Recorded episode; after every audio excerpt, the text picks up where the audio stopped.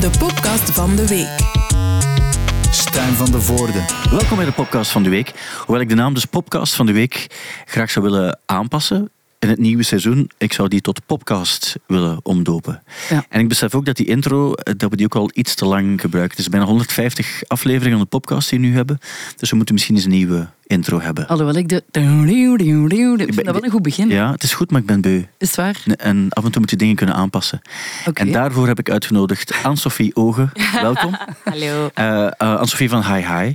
Eh, welkom Thibaut Christiaanse. Dag Stijn. Dag Kirsten Lemaire. Dag Stijn. Zou je dat zien zitten om een intro te maken voor de podcast? Ja, ja. En ook, en ook eh, inspreken, dat je zegt... ehm, ehm, de podcast gewoon. Want ja, je bent ook, je bent ook in je, als hobby ben je ook een, ehm, een eh, eh, dermatoloog zeggen, maar. En eh, dus jij, jij kan, je hebt een goede stem ook, dus in principe, jij kan dit niet alleen inspreken, maar je kan het ook maken. Ja, is goed. Wil je de intro maken van de podcast? Nu? Nee, niet nu, maar Ah, zo ja. tegen, als je volgende keer... Ja, is goed. Ja? Maar Tegen volgende week. Hoeveel, hoeveel, hoeveel tijd heb je ervoor nodig? Ik heb er geen idee van. nee, ik weet niet. Ah, ik dacht, ik Eh. vragen hoeveel vraag je daarvoor? Ook, de- dat zal ook wel. de- Ik, ik, ik ben het op dit ogenblik eigenlijk allemaal een beetje aan het uitvinden, maar ik meen het wel. Ja? Het zit om een nieuwe intro te Ja, maken. ik wil dat doen. En hoeveel tijd heb je ongeveer nodig? Laten we zeggen, een, twee weken? Twee weken? Oké. Ja, dus je komt terug over twee weken met, de- met de intro, hè? Ja, is goed. Echt, hè? En, en, en zijn er dan bepaalde ehm, Ja, mag je Nee, ik- of gewoon laat, laat u gaan? Artistieke vrijheid zo. Ja. oké. Oké? Oké, vet. Over twee weken kom je terug met de Ja. nieuwe jingle. Echt, hè? Ja, ja, Oké, oké. Dus we hebben deze afgesproken. Eh, welkom bij de podcast, ook Thibaut Christiaanse Hey. en Kirsten Lemaire. Ja, eh, wat had dat al heb je al gezegd, hè? gezegd. Ja, waarom zou ik het niet twee keer zeggen? Nee. En belangrijk ook vooral, we hebben al een. eh, het is de tweede podcast van deze week. Want we hebben er maandag al één gemaakt over Pukkelpop. Nu, die podcast is opgenomen in, in zeer eh, bizarre, mooie, warme omstandigheden. Warm, letterlijk en figuurlijk. In de arena van Pukkelpop, met veel mensen daarbij. En we hebben toen niet alles kunnen bespreken. Want er zijn nog concerten daarna gevolgd. We hebben Balthazar nog gezien als vervanger van Florence and the Machine. We hebben eh, nog eh King- Falls Gizzard eh, and the. Lizard Wizard. En dan natuurlijk ook de headliner The Killers. Iemand die iets gezien heeft van al die dingen. Was jij er ook aan, Sophie? Ja, maar vrijdag vooral. Ja. Ja. Nee, ik heb... eh, ja, zondag was ik er ook. Heb ik enkel Girl in Red gezien. Ah, ja, en ja. Michael Carcous heb ik daar ook gezien. Oké. Ehm, maar ik was moe. Ja, nee, dat begrijp ik. Ehm, maar die dingen vond je wel goed? Ja. ja. Nee, de- drie van de vier die je net zei, heb ik gezien. en wat was het beste? Eh, King Gizzard and the Lizard Wizard. Ja. Alhoewel, Balthazar was ook zeer goed. Ja, ik vond het ook. Ik vond eigenlijk de, de reviews over Balthazar nogal lauw. Terwijl ik stond daar ook naar te kijken. En ik dacht, ik ken nu echt... Het is niet dat ik, dat ik alle platen van Balthazar vlot ken. Maar ik kende alle nummers die gespeeld werden. Ik vond het eigenlijk ook wel weer heel goed gespeeld. Ja. Qua sfeer ook. Ik zag een beeldje op HLN staan.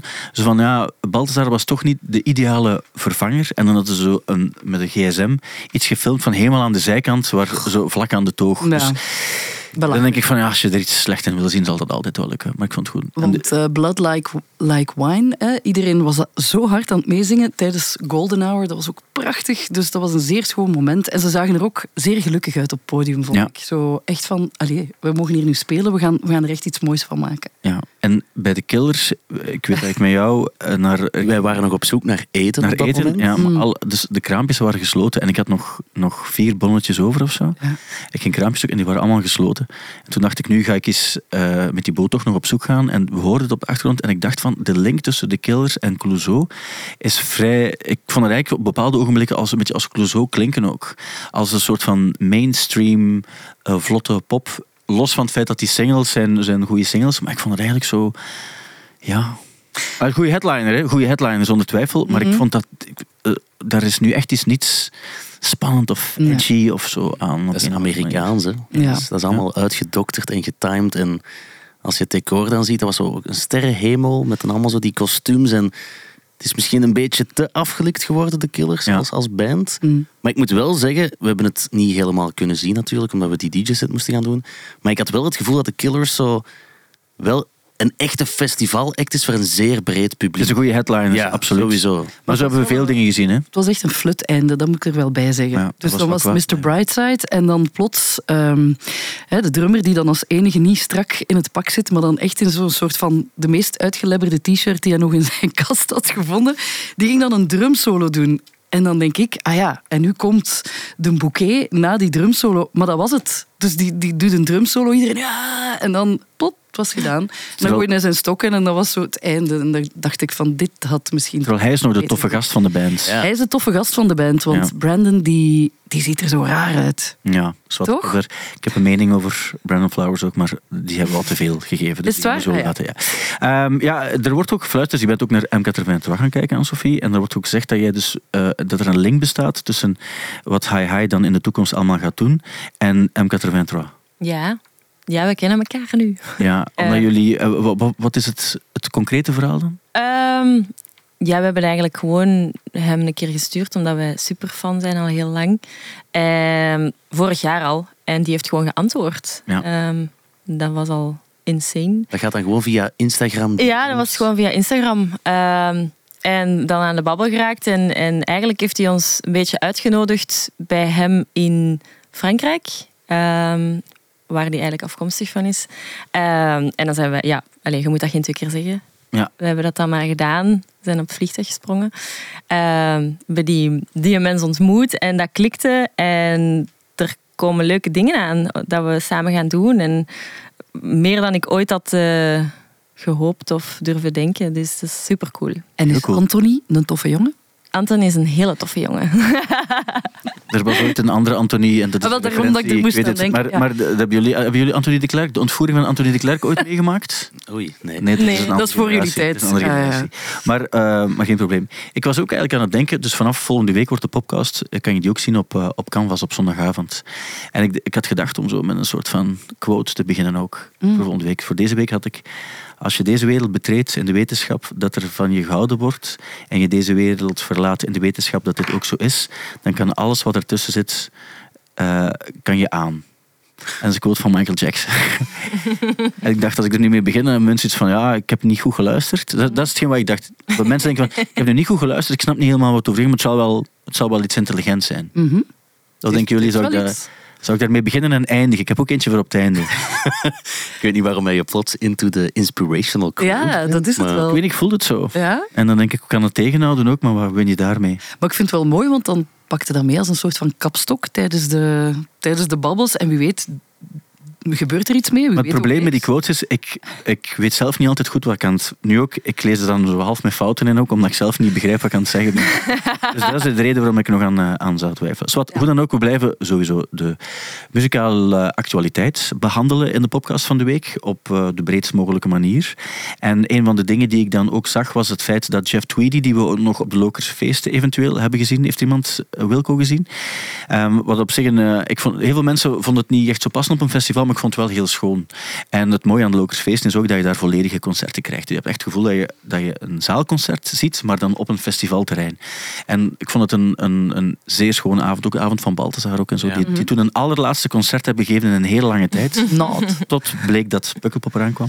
Ehm, maar ehm, ik vond het eigenlijk wel best mooi. Maar natuurlijk, je hebt ook heel veel nummers die, die dan eh, voor het publiek dat daar dan misschien eerder was voor Balthazar, en die dan wat wegwaaien. Maar ik vond het een hele schone show. Hoe dan ook, Jeff Tweedy gaat een nieuw boek uitbrengen. En het, eh, gaat, de titel is eh, World Within a Song. En de subtitel is Music That Changed My Life and Life That Changed My Music. En dan gaat het over nummers die voor hem extreem belangrijk zijn geweest op alle mogelijke manieren. Voor zijn leven, maar ook voor de muziek die hij zelf gemaakt heeft. Voorbeelden als eh, Joni Mitchell, maar ook Billie Eilish, eh, The Replacements. Dat zijn de voorbeelden die nu gegeven worden. En dan gaat hij ook een boektour doen. En dan, zelf als je niet zoveel zou hebben met Jeff Tweedy, stel je voor dat, dat er iemand waar je wel naar, naar opkijkt of die je interessant vindt als muzikant, als hij een boektour doet, zoals Nick Cave dat ook en zo heeft gedaan, zou je daar naartoe gaan? Of hebben jullie dat ooit al gedaan op een of andere manier? Ik heb het nog niet gedaan, maar ik ken wel mensen die naar de boekvoorstelling van eh, Nick Cave zijn Mhm. gegaan. En ik denk zelfs ook collega's van mijn lief, die dan foto's liet zien van eh, die collega dan met Nick Cave daarnaast, die de collega bijna op zijn schoot had gezet en zo dicht daarbij stond dat ik wel denk van, goh, als je grote fan bent, is zo'n boekvoorstelling misschien wel een makkelijkere manier om dicht bij je muzikale held te komen dan Ja. bij een concert. En in die context zou ik het misschien ook nog wel zeker willen bijwonen. Ja, maar Nick Cave, die speelde ook nog op zijn piano daarbij. En dan had je toch nog het gevoel van, er is nog muziek gemaakt. Maar het, het, eh, het dubbele is, ja, sommige mensen zijn, zijn funny en interessant. En dan maakt het niet uit dat ze ook nog muziek spelen. Bij veel artiesten ga ik ook misschien ook het gevoel hebben van, ik had het veel leuker gevonden dat je nu liedjes gespeeld dan, als je, dan dat je gewoon dingen aan het vertellen bent. Laat staan dat je dingen zou voorlezen, bijvoorbeeld. Mhm, ja. Ik- ben altijd, als ik heel harde fan ben van iemand, dan zoek ik altijd op of die een boek heeft geschreven. Ah, Oké, Sowieso. ja. En vorig jaar ben ik ook naar eh, PJ Harvey geweest in Antwerpen. Die had daar eh, die had poëzie terug uitgebracht.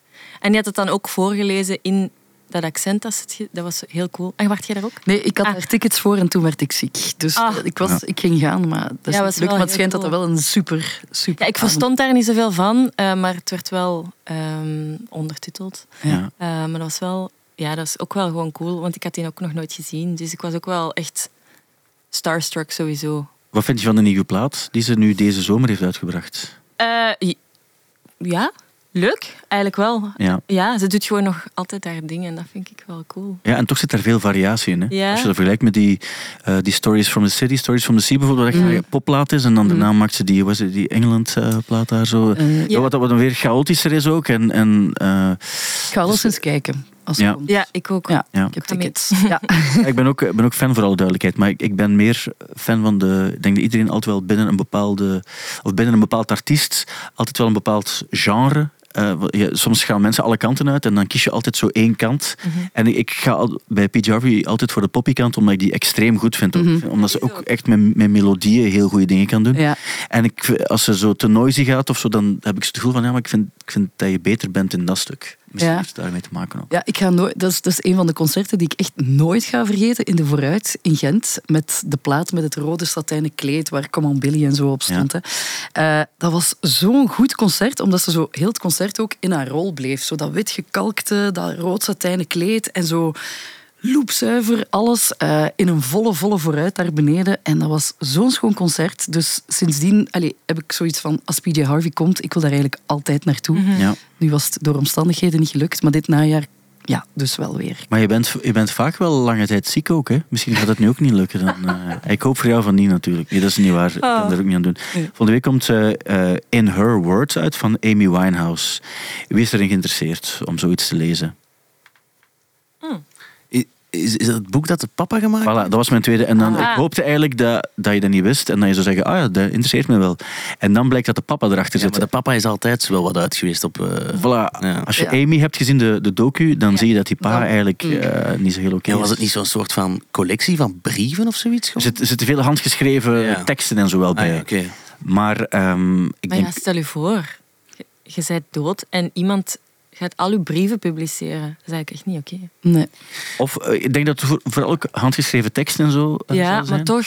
Maar het, het principe, het feit dat, het, dat, ze, dat er gezegd wordt, het zijn haar woorden, ehm, maar je hebt het zelf niet kunnen goedkeuren, Nee. dat, dat maakt het zo een beetje louche. En zeker als je weet dat die pa erachter zit. Mm. Die, die heeft, denk ik, bij de fans heel weinig krediet nog te winnen op het ogenblik eh, dat je de Amy hebt gezien. Dat is nu heel toevallig, want ik weet niet wanneer dat boek uitkomt. Volgende week. Volgende week, want op 14 september Ja, dan wordt ze, dat ze 40, 40 jaar moeten worden, ja. Dat is allemaal zo wel rond een periode dat er weer veel rond haar zal verschijnen. Dus... Het is ook bewust gedaan om, Ah ja, om twee weken voor, de, voor, voor haar Ah, oké. wat haar 40ste verjaardag gaat moeten worden. Om, om dan, eh, wordt trouwens ook uitgebreid gevierd op de tijdloze. Vertel ik Ah, er ja. maar even bij. Oké. En dan eh, het Britney Spears boek. Daar was ook nog wat om te doen. In oktober komt er een Britney Spears boek uit. Ze heeft, dat is een, haar, haar autobiografie. Nu kan ze eindelijk zeggen en mag ze zeggen wat ze, wat ze wil. Het enige probleem is wel, dus haar lief, die Sam S. Gary, die, ehm, eh, die eh, ook haar echtgenoot was, dus niet zomaar haar lief, die zijn nu uit elkaar en nu wil ze bepaalde stukken uit die biografie aanpassen. Omdat ze ja, niet meer zo blij is met hem, om wat voor een reden dan ook. En nu heeft de uitgeverij gezegd, ja, maar dat gaan we niet doen. Want die boek, waarschijnlijk is het boek in druk. Als die uitkomt in, in oktober bij dit, soort oplages, is de kans zeer groot dat die al ergens in China in een, in een, in een drukkerij ge- geperst wordt. Maar eh, dat is haar probleem nu. Ze willen het toch nog aanpassen. En de uitgeverij zegt, we gaan het niet meer aanpassen, omdat hij waarschijnlijk al gedrukt is. En zij wil dingen laten aanpassen. Ja, want Ja. ik denk nu waarschijnlijk is dit geschreven in de periode van ah, hij is zo mooi en zo knap en zo lief. Ja. En nu vindt ze het allemaal niet meer. Ja. Dus dat is het nadeel aan, aan eh, en ik zeg het maar gewoon tegen jullie, als je ooit Als je een boek als je boek schrijft, ja. weet gewoon dat, dat er ook... eh, En wat gaat er nu gebeuren dan? Ja, ik denk dat er gewoon niets gaat. Ik denk dat, dat de deal eh, ook wel rond deal is dat de sealed en uitgeverij- blijft eruit- ja, blijft en ook, erin ja. Het is Ja. een deel van je leven en dan hoe het verder gaat, dat kan je niet altijd, zien. Iemand die ooit een, een goede bio- biografie gelezen heeft, waarbij je het gevoel had van, kijk, dit is zo een die ik wel durf te tippen aan mensen. Eh, dat is toevallig. eh, biografieën die ik gelezen heb toen we samen die trips gingen doen voor Ja. Rock'n'Roll High School. Ik heb een hele goede biogra- biografie gelezen over Kurt Cobain. Is dat die Come As You Are, dat die heet? Je hebt er een aantal, hè? Ja, ik, eh, een hele dikke heb ik gelezen. I Slept With Joey Ramone is Ja. een biografie over Joey Ramone geschreven door zijn broer. Is zeker een aanrader. Mhm. En ik heb er ook verschillende over Ian Curtis gelezen, wat ik ook heel goed vond. Eentje door Deborah, de ex-vrouw, of ja, de, zijn vrouw die hij dan bedroog met een Belgische.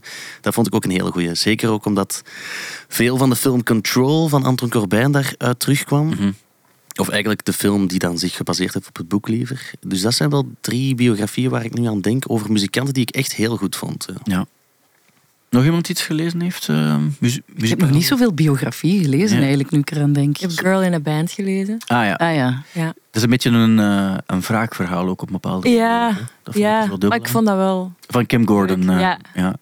Ja, ik heb hem ook gelezen, ook wel tof. Ik heb nu deze zomer, en dat is, die boek is ook al tien jaar uit, maar ik vond het wel fantastisch om te lezen. Het eh, boek van Mike Skinner van The Streets. Heel grappig geschreven, maar ook heel ontroerend en heel juist op een of andere manier. Heel eerlijk ook over hoe hij bepaalde dingen ook onzin vindt. Het gaat dan ook over het feit dat hij, toen, er, toen er wat succes kwam en ze moesten videoclips opnemen, dat ze dan ook andere, dat ze gestyled werden ook en, en dat soort dingen, dat eigenlijk niets voor hem was. Ook. Ik, ik vind het wel een heel grote aanrader. En eh, ik had het al lang thuis liggen. Je kan het zo...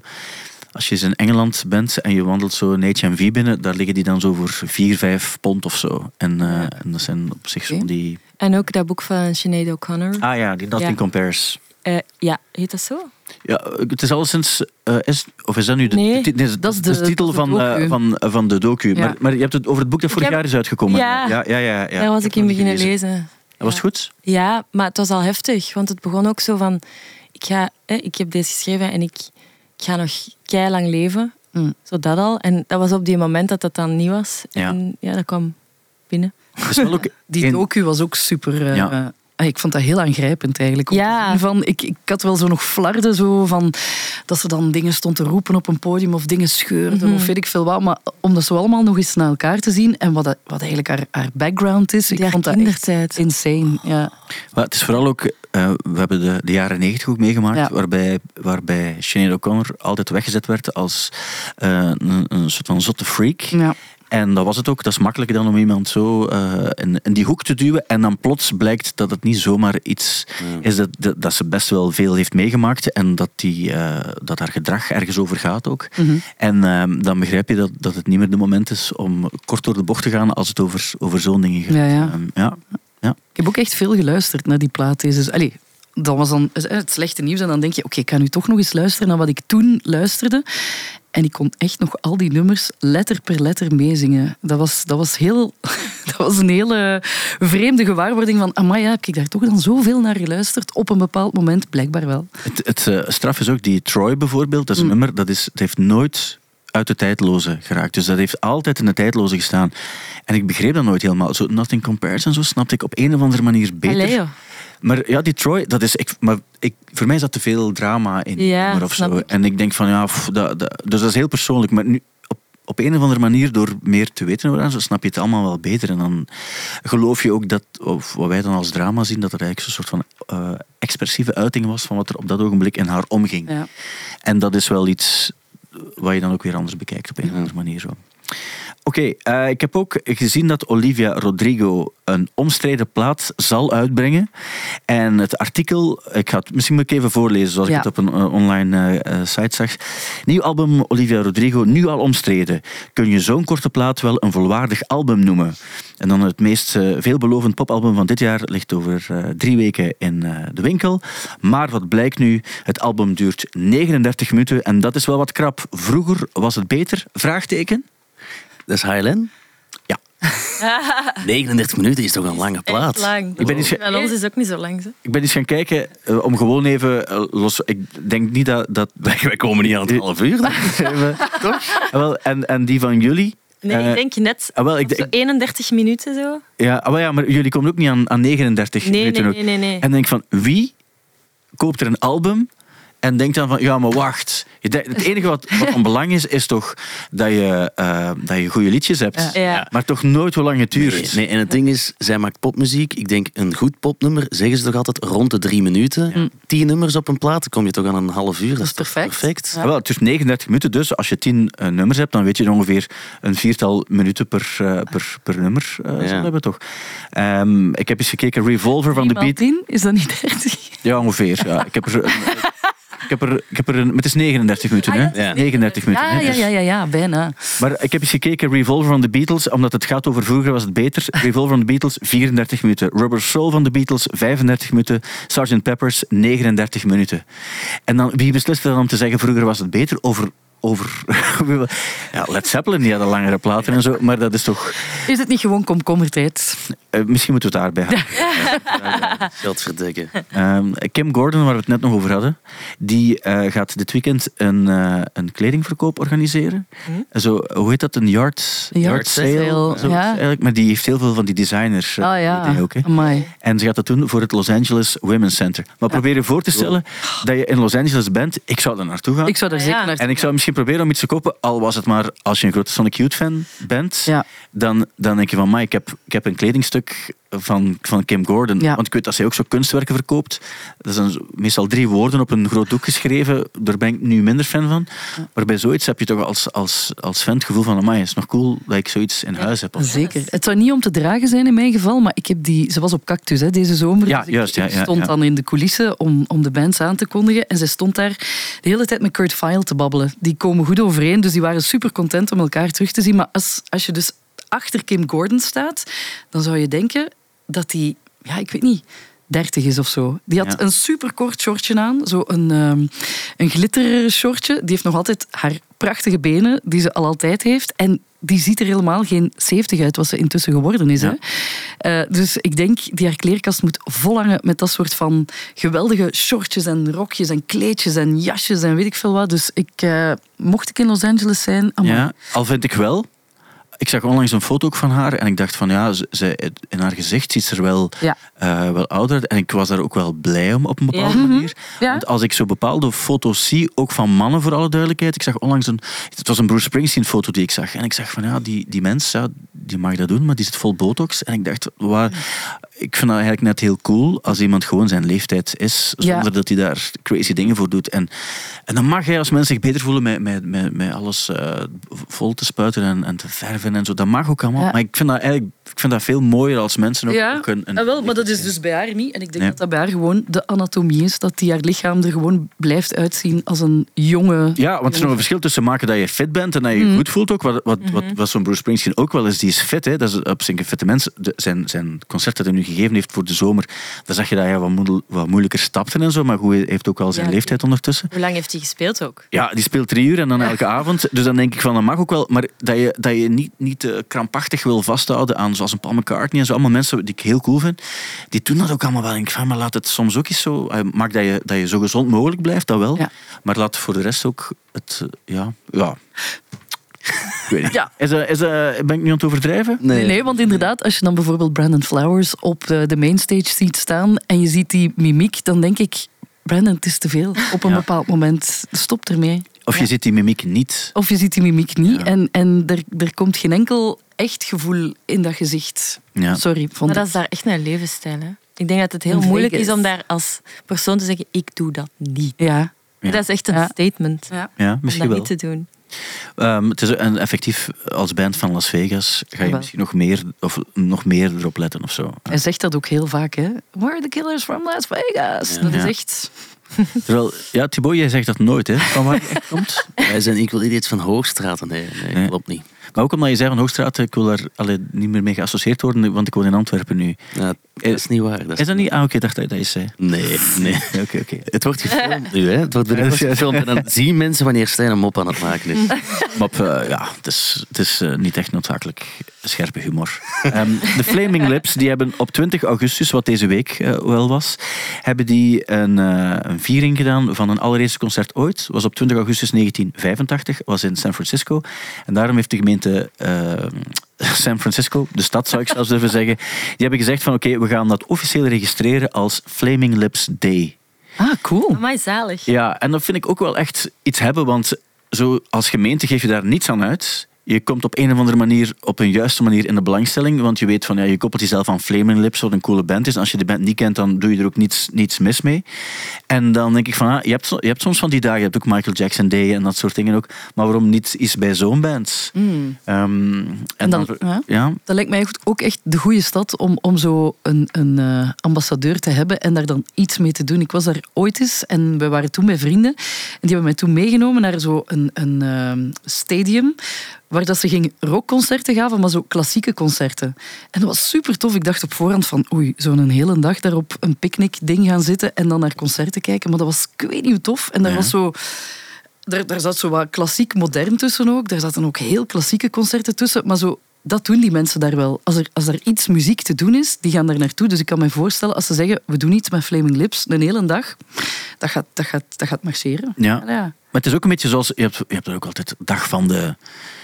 Dag van de jeans op jeans, bij wijze van spreken, zou je kunnen hebben. Of dag van de... eh, je hebt van die hele rare dagen. Maar het is wel cool dat je zo'n keer een band op een of andere manier was. Ja? En, en eh, bijvo- bijvoorbeeld in, in jullie geval, Anne-Sophie, bij High High, als er een, een High High dag zou moeten komen. Ja, ten eerste, is dat dan de gemeente Antwerpen die dat Eh, moet doen? Want zijn jullie, zijn jullie afkomstig Antwerpen of zijn jullie ook ingeweken? Eh, nee, we zijn niet afkomstig. Ja, we zijn, wij wonen daar nu. Ja, ja. Maar Koen niet. Dus Nee. dat is ook altijd... Ik mag eigenlijk nooit zeggen, wij zijn van Antwerpen, want dan is dat zo... Ja, ik niet, hè. Ehm, maar iedereen denkt dat wij van Leuven zijn. Dat wordt ook altijd gezegd. Dus dat is heel... Ja, wij zijn eigenlijk van, van nergens. Ja. Het is ook wel goed dat de gemeente nergens jullie dan Ja. eh, zou benoemen. Nee, of- maar in jullie wel, Antibo, misschien eh, de gemeente Hoogstraat toch nog, want, want zowel jij als Pieter zijn afkomstig van Hoogstraat. Het zou wel mooi zijn ook. Het kost hen niets, het is, geen, en het is, het is tof voor Hoogstraat, mochten ze het, mochten ze het invoeren. Mochten ze luisteren, ze Ja. mogen een voorstel doen. Ja. Maar- Graag. En dan iets met aardbeidjes erbij, want dat is toch te... Dat is, dat is eigenlijk Mel, Melzelen, is de Ik heb vanmorgen aardbeien gegeten en op dat kartonnetje stond Hoogstraat. Die bestaan, die bestaan. Je kan ook heel veel kledij gaan halen in, eh, in China en, enzovoort ook. Maar je, ik, denk altijd, ik draag Belgisch. En dan, maar de echte, de echte goede aardbei, dat Maar- is Melzelen. Maar Dat vind ik nu toch wel een controversieel standpunt. aardbeien eten en nu aan het luisteren zijn, weten, goh, eigenlijk is het Hoogstraat. Absoluut. En als het gaat over productie en de industriële aardbei, absoluut, dat is Hoogstraat. Maar als het gaat over de aardbei die gekweekt wordt zoals het vroeger was, dan moet je... Zet dan jij afkomstig vandaar? Of zo? Nee, nee, nee. Dat is het, dat is het ding. Waasland, hè, dat is Ik- Waasland. Dat is het ruwe Waasland. Want Beveren gaan we daar liever niet bij rekenen zelfs. Maar ah, niets tegen Beveren. Maar Melzelen, dat is, dat is wel echt aardbei. En daar kan je ze ook overal kopen ook en zo. Hè. En daar hebben ze de Suns, hè? Suns is van Ja, Melzelen. dat is juist. Ja. Wel, En zij zullen dat bevestigen ook. Ah ja, dus zij zijn van die aardbei en dan Thibaut van Ja, de andere aardbei. Zet jij nu twee bands tegen elkaar aan het opstellen? Onbewust wel, door eigenlijk aardbeien. wel. Onbewust wel. Het zou wel, wel. Dat is een van de dingen die we binnenkort zullen doen. Maar het is echt niet meer de tijd van de aardbei nu. Aardbeirok. Maar dat is het voordeel bij, bij Hoogstraten. Gaan ze veel langer aardbeien hebben, omdat er allemaal in, in, in van die eh, industriële toestanden Ah. eh, geproduceerd wordt. Terwijl in Melzelen gaat het de zon zijn die zijn werk moet doen. En ik denk dat ze, dat ze daar weer gaan afronden. Oei, oei. Ehm, je, hebt, je hebt verschillende soorten dagen. Ik heb eens gekeken wat er nog andere typische dagen zijn die er binnenkort aankomen, die Mhm. wel muzikaal gelinkt zijn. Los van het feit dat je, dat je, je hebt soms ook heel veel mooie dagen waarbij een, een bepaald eh, moeilijk thema, bijvoorbeeld de dag van, eh, waarbij, eh, ja, ik zeg maar iets, eh, mensen met, met kanker of, of me- mensen met Down-syndroom zo centraal ge- gesteld worden. Mhm. Maar je hebt binnenkort ook ehm, International Strange Music Day. En dat is op 24 augustus. We gaan eerlijk zijn, dat is de dag waarop we dit aan het opnemen zijn. Eh, als je op vrijdag luistert, was gisteren dus. En dat is de dag, en ik zal even voor, eh, voorlezen wat er staat. This is a day for all the music lovers who have soft corner for the unique and bizarre, especially when it comes to music and songs. Ik denk eigenlijk dat dat beetje voor ons allemaal wat geldt, dat we dat allemaal wel leuk kunnen vinden. Ik kies er soms iets meer en iets extremer dan de andere. En dan heb ik het over je chick-chick-periode enzovoort. Ja. En, de, en eh, in industrial folk. Maar ehm, ja, dat, dat is een, een dag die we misschien toch eens mogen vermelden. En dat er aandacht aan besteed wordt, vind ik ook wel tof. Omdat het is nog een heel breed gegeven. Mhm. Want je kan daar ook wel... Ja, je kan daar heel veel bands onder, onder stoppen. Ja. Maar ik vind dat eigenlijk wel, wel mooi. Ik vind het wel tof. Ik was vanmorgen naar BBC Six aan het luisteren. En daar hadden ze vandaag een, ehm, een dag rond zo klassiek eh, moderne muziek. Maar dat zit in heel veel dingen. Dat zit bijvoorbeeld in, in eh Björk haar muziek. Maar dat zit ook in, in van die hele maffe dingen. Maar alles wat ik hoorde, dacht ik van, amai, dat is tof. En het leuke was, Lauren Laverne, de, de presentatrice, zei daarbij... het is niet voor iedereen, but we love it. En dat is waarom dat wij dit doen. En, en niet iedereen gaat dat tof vinden, maar dit is echt wel, wij kunnen dat hier doen. Dus, en daarom luisteren de mensen naar ons. En ik vond het ook tof dat ze dat erbij zei, want dat klopt inderdaad. Waarom luister ik naar BBC Six morgens nadat ik naar uh, Fien en Thibaut geluisterd heb, dan uh, dat is om echt zo dingen te horen die je al lang niet meer gehoord hebt. Ja. En dat, dat doen die daar. En hoe maf, of, want er zaten echt hele maffe, weirde dingen tussen vanmorgen. Maar klopte wel allemaal en het was echt prachtig. Allee, zo, zo van die dingen. En ik kwam toe op het werk en dacht van, ah, nu heb ik iets gehoord dat, ik- dat ik nog nooit gehoord heb. Ik heb wel het gevoel, want je zei er net ook iets van San Francisco en naar klassieke muziek Ja. kijken. Ja, Ik heb nu eh, een filmpje gezien van op Lowlands, waar het Noord-Nederlands Orkest een uur lang speelt. Dat is klassieke muziek, Ja. waar mensen uitzinnig werden en aan het mosje waren en zo. ja, Dus eh, dat vind ik ook strange of weird, maar dat is wel cool. dat is wel cool, hè? Maar dat is het ding bij klassieke muziek. Je kan dat moeilijk op een festivalpodium zetten. Of het gebeurt zelden omdat het dan een te grote productie is. En dat is dan moeilijk rond te krijgen. Maar als je het doet, is het bijna altijd cool. Net zoals, eh, wie was het ook? Ehm, van die, die Simpsons-team. Eh, Hans Zimmer. Ja, ja, ja. Eh, en, en dan heeft het ook gedaan. Zo het Simpson-team wordt dan gespeeld eh, op... eh, Nee, Danny Elf. eh, Danny Elfman bedoel ik, ja. ah ja, Hans Zimmerman, die, die de studio ja. van de BBC gekocht heeft. Ah, is echt? Hans Zimmer was Ja. nog niet zo lang geleden in het Sportpaleis. En dat is eigenlijk hetzelfde waar dat hij ook gewoon elektrisch gitaar speelt en zo met een heel orkest erachter. Ja. Dus dat is alle twee heel Maar inderdaad, dat is Danny Elfman. En die speelt Ja. dan de soundtracks die hij gemaakt heeft. Voor, voor wat, is het, de Beetlejuice en zo achtige dingen. Maar ook de- soundtrack van The Simpsons. Ja. En die tent wordt dan gek. En dat is ook zo... met- Maar ja, waarom zou het ook niet werken? Je hebt heel veel klassieke muziek die gewoon ook super supergoed is. En het is niet omdat je naar, een, als, naar Pukkelpop gaat, dat je geen eh, sympathie kan hebben voor bepaalde dingen die binnen de klassieke muziek vallen. Er zijn ook heel veel dingen die ik niet aan kan. Maar er zijn ook heel veel dingen die ik er heel goed bij vind. Maar in welk genre is dat niet zo? Maar nu ben ik misschien te ver aan het gaan, maar ik ben de af... Of the Proms geweest? Nee, maar ik ben de afgelopen weken eigenlijk heel veel aan het luisteren en zelfs zo eh, one hour off en dan zo iets. Ja. En ik ben nu al heel lang aan het luisteren naar één bepaald nummer dat in de Succession soundtrack gebruikt wordt. Ja. En dan is dat zo slowed en reverb, one hour long. En dat is echt bangelijk. Ik ben te ver aan het uitwijken, maar Nee, ik vind, dat, mensen ik die vind dat klas- net interessant. klassiek cool vinden, als je Succession gezien hebt of je kent die soundtrack, dat is zo goed. En je hebt filmpjes van die gast die dat, dat gecomponeerd heeft, die dat dan zo uitleg geeft, dat er zo hip-hop invloeden in die intro zitten, dat er zo'n beat, een drum meespeelt en zo, en met dan piano over. Mega graaf. Dus dat is een tip voor mensen die misschien eh, zoiets willen checken. Ik wil het afspelen nu, maar ik eh, ben niet meer verbonden. Oei, Ik was, ik was verbonden met de Bluetooth, maar ben het nu niet meer. Allee. technisch Eh, mankement. Ja, Maar wel was dat ook niet op Graspop dat er zo'n symfonisch... eh, of waar was dat dan? Of op eh Alcatraz of zo? Ik weet het niet. Dat er zo een, een symf- Of ook zo echt een orkest... Ja, Tomorrowland hebben ze het ook nog gedaan. Ah, Die- op die- Tomorrowland was dat. Ja, weet ik ja, ja, nog. Dat ze, en dat was ook zo. Ze speelden dan wel ook zo de, de typische. eh, de, de, ja, zo de typische. Van Goose bijvoorbeeld. Ja, ja, ze- ze- Tussen, ja, Sunrise zat ertussen.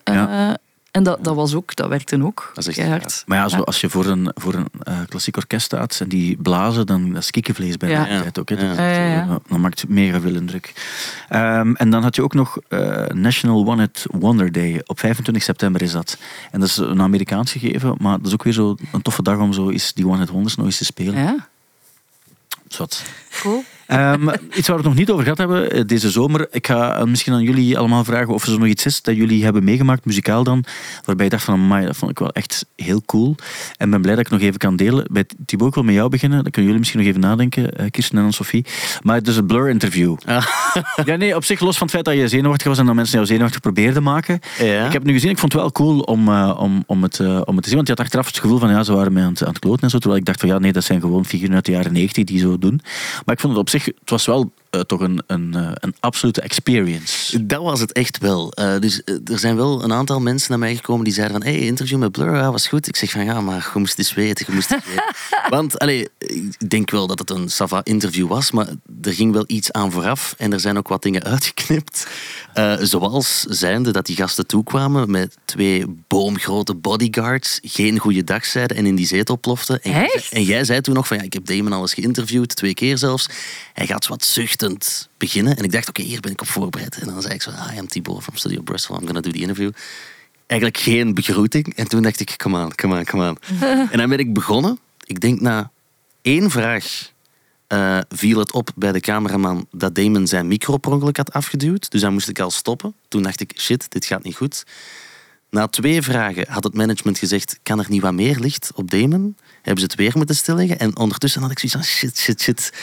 En Damon was, eh, want ik zeg zo Damon, maar eh Damon Albarn was wel zo ehm, af en toe zeer moeilijk. Of zo, niet veel goesting. En, Kort van stof. ja, en Niet sympathiek. Goh, ja, dat kan je zeggen. Of je kan zeggen, het is, het is een, een rock and roll star. En ik had zo wat de indruk dat Graham zo de good cop was. Ja. En Damon Albarn zo wat de bad cop. Ehm, maar ik denk dat het uiteindelijk wel goed ging. Maar het grappige was dan, ik, ik ben geëindigd met een vraag zoals van... What can I wish you for the future? En Damon Albarn keek naar mij en zei... What do you mean? Are you a wizard? En ik dacht, Wat, ik dan op zich wel, wel grappig vond. Ja, dat vond ik grappig, maar dat leek alsof ik geen Engels kon. Dus ik zeg, ehm, no, no.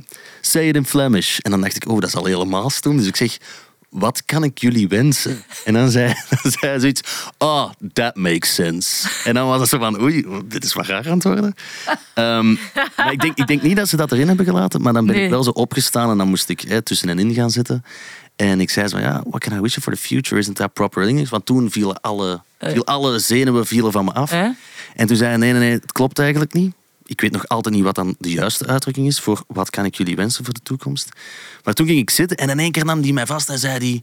eh, don't be sorry, mate. En dan in één keer was hij super sympathiek. Mega vlot van stof. En dan heb ik nog twee platen kunnen laten signeren. Eentje voor Stijn ook. Wat eigenlijk nog een grap was ook. Dus, Want ze hadden op voorhand gevraagd van, ja, kan je een tip geven aan Thibaut? Ik zeg, ik kan helemaal geen tips geven aan Thibaut, want wat zou ik moeten zeggen? En dan eh had, ze gebeld en toen zei ja, maar wat, wat moet Thibaut dan doen of zo? Ik zei van, ja, ik, ik heb nooit durven vragen om een plaat te laten signeren, zo, omdat ik dan denk van, ja, ik vind dat zo wel lastig, maar ik wil het eigenlijk op zich dan nog wel graag. Dus ik dacht van, misschien kan ik nu gewoon aan Thibaut vragen. en Thibaut was wel zo vriendelijk om het te doen en hij had dan twee platen laten tekenen. Maar En er, plots- er, er lagen drie platen klaar. En ik dacht, ah, ik heb die van mezelf mee, ik heb die van Stijn mee. En er lag er nog één. Eentje die het plaatlabel had klaargelegd. Ah. En toen, ehm, ik dacht, ja, die werden zo al wel weggerukt door het management. Ik dacht, oh, ik moet toch nog die plaat van mij en van Stijn kunnen laten handtekenen. En ik heb dus twee platen gepakt. Die derde ben ik compleet vergeten eigenlijk. En achteraf vroeg er iemand van Studio Brussel... Zeg, en die derde plaat, eh, heb je die laten handtekenen? Ik zeg, ja, nee, ik heb enkel die van Stijn en mij kunnen laten handtekenen. En toen zei iemand wel...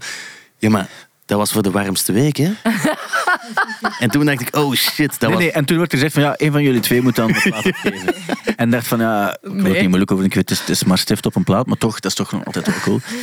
En ik dacht van nou, dan geef ik ze uiteraard af. Want eh, Thibaut heeft het, eh, ja, het interview gedaan, dat zou echt crazy zijn. Ja. En, eh, maar toen uiteindelijk hebben ze het nog wel gefixt. Ja, ja, dat, het, dat de volledige band het zelfs nog eh betekent. Maar dus inderdaad wel een experience. En ik moet toch ook wel even benadrukken, het beste optreden dat ik deze zomer gezien heb. Mm. En ik ben op veel festivals geweest, maar Blur Blocks Feest was absurd voor. Ze waren echt heel goed. En ik vond het vooral zo, het waren zo van die jongetjes die elkaar aan het pesten waren op het podium. Op Ja. een goede manier. Hè? Maar zo dat, dat qua jongens gedoe op het podium, ik vond het geweldig. En dan Graham die gemist is ja, in de single.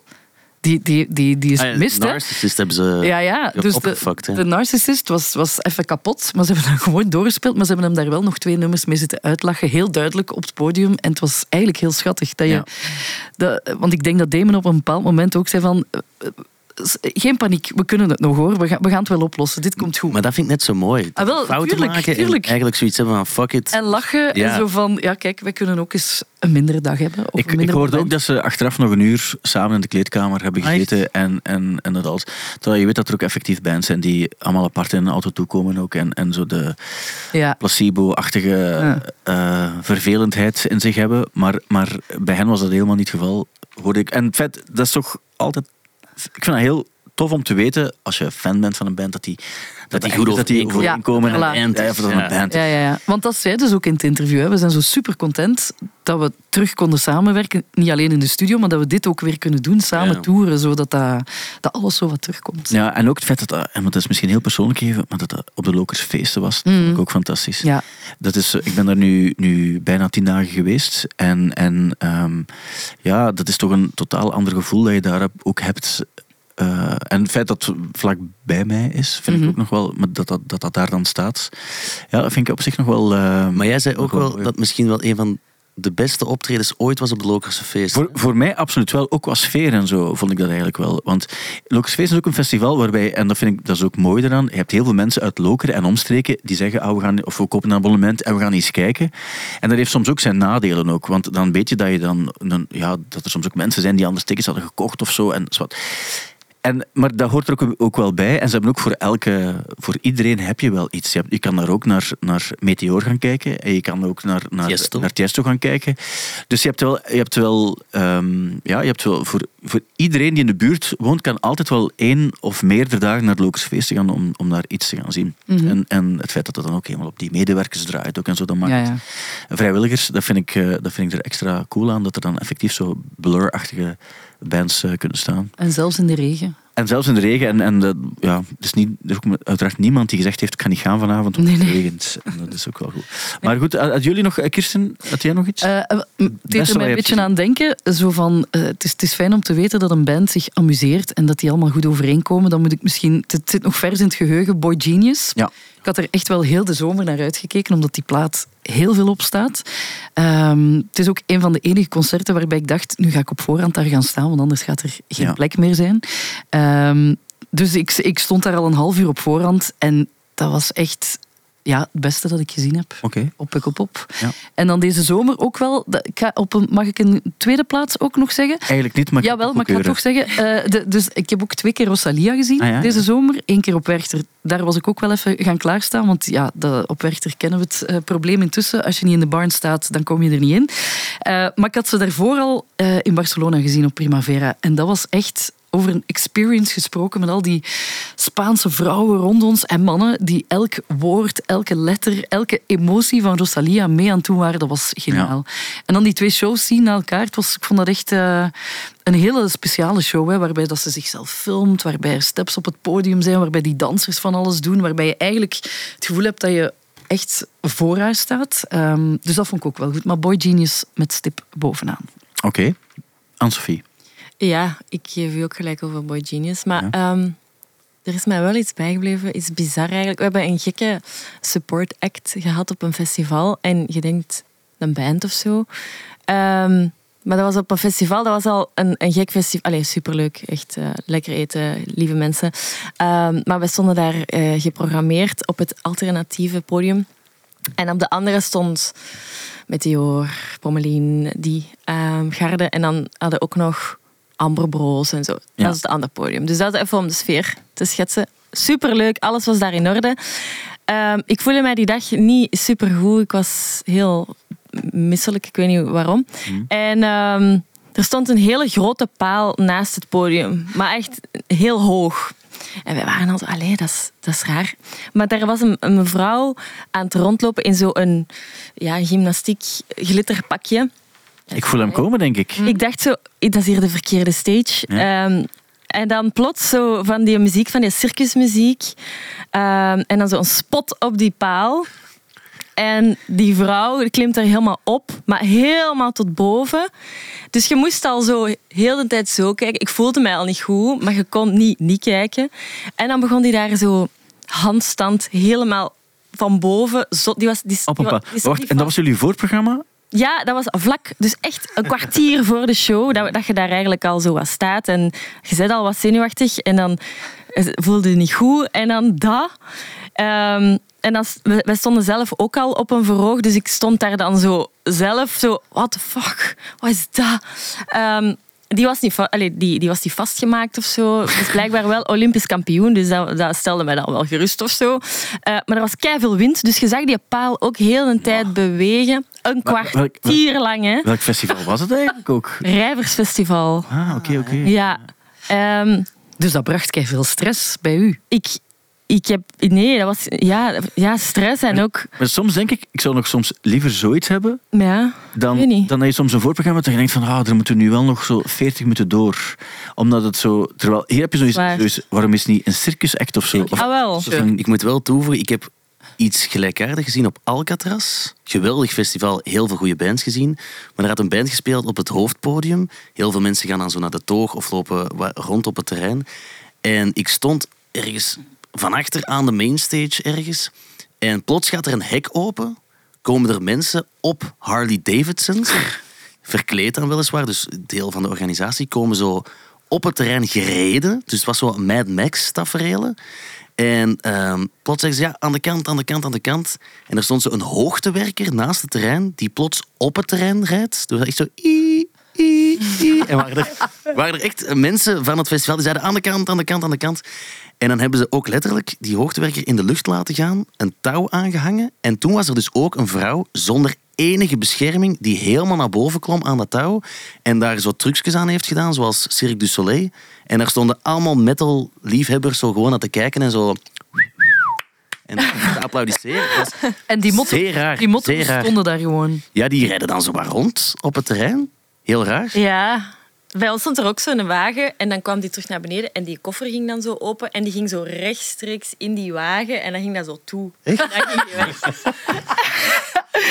ja, ik zeg het. Ja. Maar ook Ja. acrobatie op festivals, het zou meer moeten gebeuren. Ja, Zeker. Ja. Die me ook denken, ik heb zo gesproken met een fotograaf die, eh, eh, die foto's genomen heeft op Altamont, zo'n eh, festival waar eh, die Hells Angels ook zo iemand doodgestoken hebben en, en, en heel veel gedoe is geweest.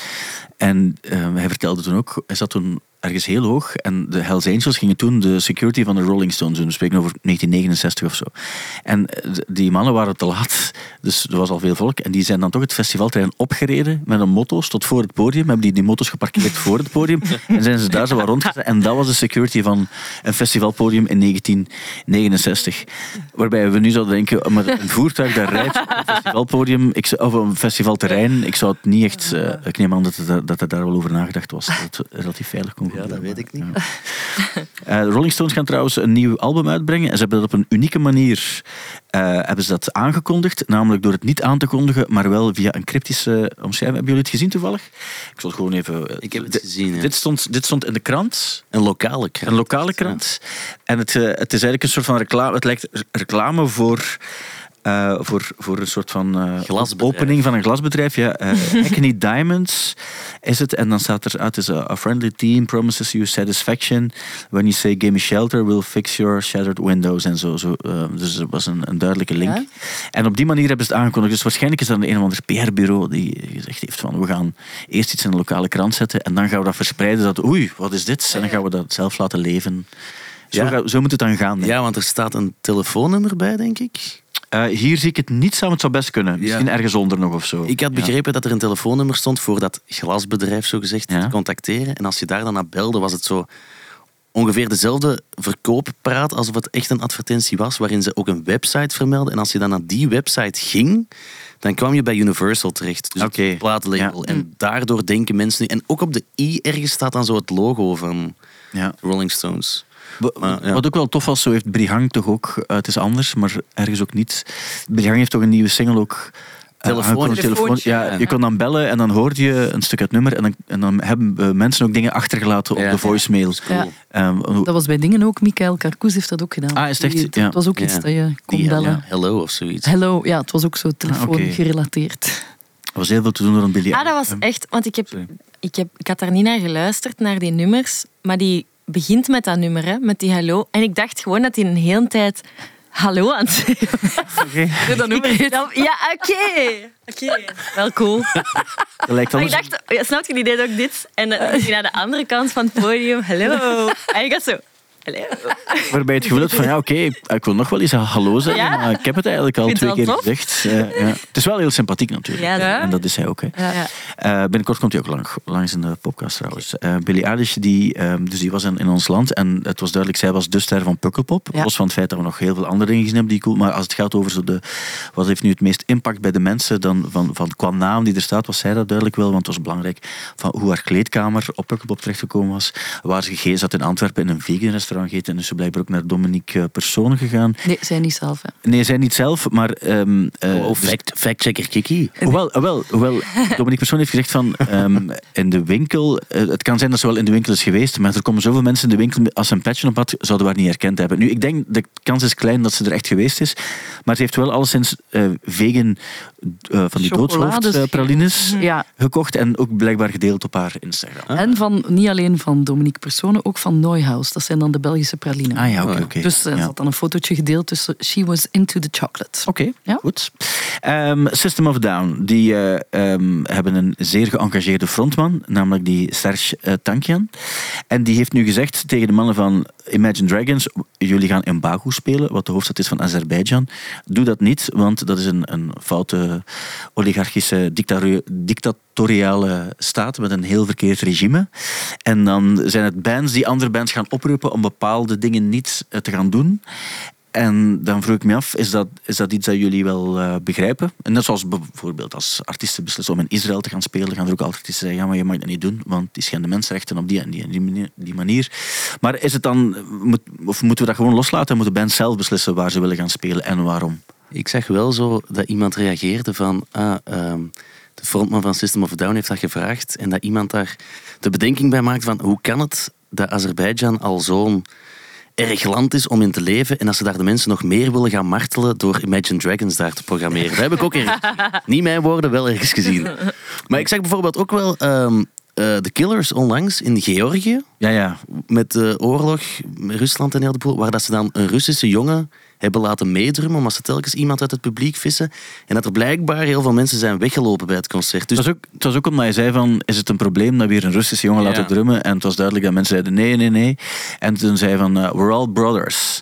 Waarbij mensen het voelen, ja, maar wacht. Ja, Het, ja. Je hebt geen idee wat hier eh, is gebeurd. En dat is, het, dat is het probleem, want achteraf hebben ze zich verontschuldigd Ja, daarvoor ook. ja. Waarschijnlijk de drummer, want eh Brandon Flowers zal dat nooit doen.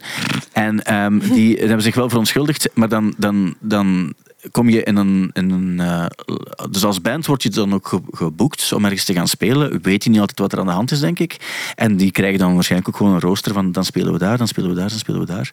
En je hebt het ook al vaak gehad dat er bands zijn die dan toch beslissen om ergens niet te gaan spelen. Wel, maar ik denk zo bands met een entourage zoals Imagine Dragons of The Killers, die moeten daar toch van op de hoogte gesteld worden en dan misschien toch wel weten van wat de risico's zijn of wat de, De gevoeligheden, ja. zijn in zo'n land waar dan je aan speelt. Ja. Dat denk ik wel. Maar dat is net hetzelfde als voetballers die in eh, Saudi-Arabië gaan spelen waarschijnlijk. Dan Ja, weet je, die gaan spelen in een, in een land dat zichzelf eh, een, een clean imago naar de buitenwereld wil geven. Terwijl je weet, wat is een land waar de, de, ja, de meest mensenonwaardige smeerlapperijen ook wel gebeuren. Maar op die manier maak je het wel... eh, maak je land wel funky. Maar ik denk, als die frontman, die frontman van System of a Down staat ervoor gekend, hè, die vecht voor die zaak, Ja. kan alleen maar advies geven, denk ik dan. Ja. En dan doen die bands dan maar Ja. wat ze Of voelen of denken. Of Ja. informeren, ja. Ik denk Ja. dat dat het gewoon is. En dan moeten zij maar kijken of, of ze er nog naartoe willen. Ja, dan nee. Snap ik. Ja. Daar ben ik het weer mee eens, Kirsten. Amai. Hebben jullie, trouwens, hebben jullie trouwens al eh, de cover gezien van de nieuwe Drake? Nee. Ehm, Nee. kan, je hem even, eh, kan je hem even omschrijven, eh, eventueel aan Sophie? Hmm, ik zie een, eh, een eng lammetje. Ja, Met, en- een, met, een, met zo precies twee eh, paardenogen. ja, twee rode ogen erbij. Ah, En, zeker. eh, Getekend door een kindje. getekend Ja. door een kindje. Zijn zoontje. Ja, Adonis. Ah ja. Adonis heet zijn zoontje, wat ik een fantastische naam vind. Want uiteraard heeft. Drake zijn zoon Adonis genoemd. en eh, For All the Dogs is de titel. En heeft waarschijnlijk tegen Adonis gezegd, Adonis, teken eens een hondje. En dan heeft hij er Ah, dat is gewoon... een hondje. Ja, wat ik dan ook opvallend vind, is dat er onderaan zo'n eh, parental advisory sticker op staat. Dat hoeft helemaal niet meer. Maar zo je zoon wel iets laten tekenen, maar dan weet je dat je in teksten waarschijnlijk wel nog iets verder gaat. En je moet niemand meer betalen om eh, artwork Nee. te hebben. Wel een goede cover. Ja, vind Dat ik ook. vind het ook wel cool, ja. Vind ik ook. En dan nog één ding, eh, ja, nog één ding dat ik fun, eh, funny vond. Eh, Gunplay, dat is zo'n rapper uit Florida. Die is gearresteerd omdat hij zijn gun op zijn vrouw heeft gericht. Hij is niet funny voor alle duidelijkheid, maar zijn naam is Gunplay. En dan denk ik van ja, Wie? dat weet je wel. Het stond op Serial Gum samen met een ander artikel. Ja. Waar stond James Blunt, dubbel punt. The first time I crowdsurfed, I fell flat on the floor. En toen dacht Ik ik, snap het. we- ik, we- we- ik mocht met Thibaut in de club eh, draaien op Pukkelpop en zei bij Bohemian Rhapsody, ik voel het, ik ga, ik ga crowdsurfen. Nee, en dan dacht ik van ja, Thibaut, maar let toch altijd maar op, want de afstand was vrij groot van het podium Ja, mensen. ja, en er kunnen altijd ongelukken gebeuren. Dat was mijn enige bedenking. En weet je wat het is? Mensen gaan nu denken, ah ja, ha, ha, ha. Maar Stijn zegt dus gewoon door de micro voor een volle club, Thibaut wil stage diven, gaan jullie hem opvangen? En dan moet je dat eigenlijk doen. Dus ik heb het dan wel gedaan, maar ik, het was veel te ver. Het was iets te Het ver. was veel te ver. Ja, achteraf. Maar het is, achteraf is het altijd makkelijk hè, om die dingen te Acid evalueren. heeft een boete gekregen vorig jaar. Ah, ja, hè. ja. Ik weet, ik had het bijna aan mijn pan. Ja, ja, ja. Maar dus geen pijn gedaan. Nee, maar over funny en crowdsurfend, hebben jullie dat gezien van die baby die crowdsurft bij een optreden van Flowrida? Een baby? Oei, dat is dat klinkt, Nee. klinkt als twee totaal. Klinkt als heel verkeerd. Ja. Ik dacht, ik dacht, ik ga toch ergens klaar zijn. Maar er is dus een optreden van Flowrida, die zijn hit Low Ja. speelt. Ja. En wacht, ik ga het hier boven halen. Dus je hebt Florida die in het publiek staat, aan de dranghekken. En hij doet dat teken van laat hem maar komen, laat hem maar komen. En dan Maar Ah, duwen ze echt een Oh baby my god. naar voren. Echt een baby. Hij pakt die vast, knuffelt dan wat. Ook een baby zonder gehoorbescherming, wat ik Ja. wel verontrustend vind. En dan denk je, ah, het is gedaan, ze gaan die baby teruggeven. Maar het wordt dus nog erger. Ik, ik hoop dat het in dit filmpje... Hij pakt die mee op het podium toch niet? Ja, dus En hij- hij gooit hem terug. ja, Dus ja. er komt een vervolg en hij staat met die baby op het podium. En dan, zoals leeuwenkoning gewijs, stilt hij die op. Dat is toch absurd? Dat kind moet zo bang geweest zijn? Ja, ook omdat het echt... Allee, het, is, het, is, het, is, het is echt... Het is geen jaar oud. Hè. Het Nee. is echt een... Nee, een, een, nee. een, een- Het is een een- minietje. Vier maanden of zo? Nee, nee, nee, Zes nee. maanden? Het is wel iets, iets ouder. Want hij kan zijn, allee, zijn, nekje wel, zijn nekje wel echt. Ja. Dat is al een belangrijk verschil. Hey, eh, ik kan nog, nog, want we moeten afsluiten. Ik, nog twee dingen die ik snel wil vertellen. Op eh, de website van Slayer heb je de meat brander die je kan voorbestellen. Vond ik heel funny. Dus dat is eigenlijk een soort van, een soort van eh, metalen Pook. pook met een zegel. Dus als je een groot stuk vlees wil eten, wat ik persoonlijk niet doe, wegens, wegens aan de vegetarische kant, dan kan je dat branden, dan kan je dus Slayer erin Maar dat ziet er branden. gigantisch uit. Dus dat gaat dan echt over van die lappen Ja. van een halve koe op de Ja, barbecue. ja, het is, Ja. het is echt voor de enorme vleeseters. Ja. En voor de mensen die nog 16.000 dollar over hebben per persoon, dat is de prijs die je betaalt als je mee wil op de cruise naar Antarctica met Diplo. Hè? Wow. Ja, wat een zeer vervuilend eh, gegeven is. En, ehm, Ook voilà. zo met Diplo naar Ja. Antarctica. Ik hoor het ook zo niet. Ik bedoel, dat is toch zo muziek waar dat je denkt, ik ga naar de Caraïben. Ja, Allee, ja. is Maar- mijn mening dan. Maar Voor 16.000 euro kan je het ook eh, zo doen. iets te doen. Eh, en dan worden- komen nog een paar platen uit. Danger Mouse en Gemini hebben nog eens een plaat gemaakt. Eh Granddaddy die gaan Someday opnieuw uitbrengen. Wat ook wel cool is, want die was moeilijk op vinyl te krijgen nog. Husker Du gaan ook nog eens een plaat opnieuw uitbrengen, want die bestaan al lang niet meer uiteraard. En dan Nick Cave en Warren Ellis, die hebben die eh, live plaat ook in de Sydney Opera House, die ze ook uitbrengen vandaag. Vanaf Oké. nu kan je daar naar luisteren. En Talking Heads, daar hebben we het nog niet over gehad. Ja, maar dat komt omdat ik denk dat het over twee weken is of zo. En dan gaan we het er dan over En dan zou het er misschien iets uitbreiden. Maar je hebt gelijk, misschien moeten we het toch, maar, toch, toch wel even vermelden. Ja, dus die gaan elkaar terugzien nadat ze, elkaar een, nadat ze nooit samen nog eens ergens geweest zijn na 21 jaar. Ja. Want David Byrne is een beetje zuur, naar het schijnt. En dus die anderen willen eigenlijk, als ik het goed versta, die, willen, die zouden eigenlijk al lang eens een reunie willen doen. Ook omdat zoiets van, ja, van al die bands van toen leven wij nog allemaal. Alle afzonderlijke leden van de band leven nog, dus waarom zouden we dat dan niet doen? Ja. En David Byrne heeft gezegd, ja, nee, eigenlijk liever niet. Ik wil dat niet doen. Ja. Eh, blijkbaar had een van de leden het hem ooit eens gevraagd en hij zei op een vrijdag, ik ga, ik ga erover nadenken en ik ga u iets laten weten. En de maandag heeft hij laten weten, sorry, ik doe het niet, ik zie het niet zitten. Ja. Maar nu gaan ze elkaar dus zien, niet om samen muziek te spelen, want heel de muziekpers was al helemaal van, ja, reunie, reunie.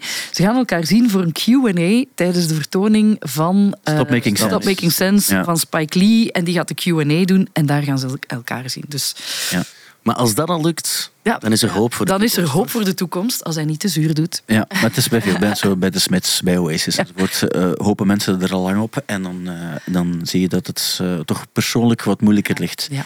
Maar eh, het is wel iets om naar uit te kijken sowieso. Het is weer iets wat gebeurt in, muzie- in, in, in ons muzieklandschap. Ja. Dus daarbij zijn we weer aan het einde gekomen van de podcast van deze week. Ik zou graag willen afsluiten met een quote, Ja, ja. als jullie dat goed vinden. Ehm, Of moet Kiki die outro nog eens doen van op die van Pukkelpop? Nee, nee, het is nee. laat dat is moeilijker het zonder publiek. Moeilijker anders. Dat, was- anders dat ging graag. spontaan, dat was echt... Ja, ja dat was, eh, was Nee. heel spontaan. One good thing about music, when it hits you, you feel no pain. Bob Marley.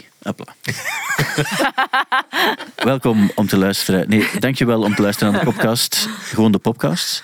Ah, ik vind Ehm, het toch wel wat wennen, eigenlijk. Ja, ik weet het, maar ja, er wordt, een, er wordt nu aan een nieuwe jingle. Over twee weken krijg je de première. Ik was wel net aan het denken, ik ben dan op vakantie, dus pak drie weken. Over drie weken. Over drie weken krijg je de première van eh, de nieuwe intro. Gemaakt. Is het, hoe, hoe, hoe moet ik hem aankondigen? Door wie is hij, wordt hij door Hi Hi gemaakt? Of ga je, is het een solo-project? Doe je het onder een andere Ik naam? weet het nog niet. Je weet het nog niet. Nee. Maar over drie weken krijgen we het wel te horen. Maar je gaat het wel doen, hè? Ja, ik ga het doen. Want dat is het ding bij de podcast. Soms ontstaat het allemaal wat op een vreemde manier. Maar als Ja, we zeggen dat we het doen, dan, dan Nee, nee, doen we het ook wel. we doen Oké. het. Dus over drie weken hoor je de nieuwe intro van, ehm, ja, voilà, van, de, van de De podcast. podcast. De podcast. En je moet het hem zelf ook... Ah, je moet, je moet niets. Maar als je hem ook zelf wil inlezen, dan ook met, Ja. met jouw, jouw stem ook. Zo echt de podcast. Alleen niet meer podcast Jij wilt de dat heel graag, hè? Zo, de podcast. Ja, Dat omdat de podcast van de week... Het gaat over weekactualiteit, maar mensen, niemand zegt... Ah ja, de podcast van... Mensen zeggen de podcast. En moet dat dan ook zo zijn de podcast Stijn van de Voorde. En, want dat is aan de radiospot, moet ook al meteen rekening mee houden. Hè? Ah ja, uh, maar ik denk als we ons nu focussen op, het, op de, basis, de basis van een intro van 10, 15 seconden, maximum 20. Ja. En dan, en dan uh, ja, van... It. Ja. Oké. Okay. Ja? Ik vind de quotes toch ook al goed. Ik vond die van Bob Marley heel Dat was een Ja. hele Dat is goeie. wel goed, hè? Zou, ik ga het behouden, denk ik. Ja. En moeten we dan niet zo een, een effectje daar nog bij? Of wordt het dan helemaal Ehm, daar, overdreven? daar ga ik dan nog eens over nadenken. Daar ga ik nog eens over nadenken. dankjewel Kirsten Lemaire, dankjewel Thibaut Christiaanse en dankjewel Anne-Sophie Ogen. Graag tot de volgende keer. Dit was de Popcast. Punt.